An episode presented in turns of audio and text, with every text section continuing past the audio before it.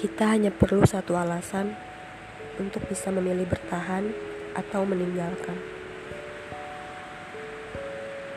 Dan ketika tidak ada lagi alasan untuk bertahan, maka untuk apa kita tetap di sini?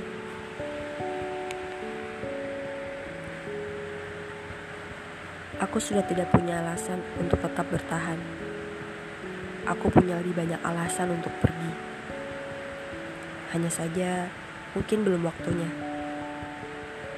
Tapi aku terus mengusahakan agar bisa segera pergi dan meninggalkan lingkungan toksik ini. Aku tahu, hidup di luar tidak mudah seperti hidup di sini. Tapi selengkap apa pun fasilitas yang ditawarkan, kalau kebebasan hilang, sampai kapan pun tidak akan membuat kita merasa nyaman.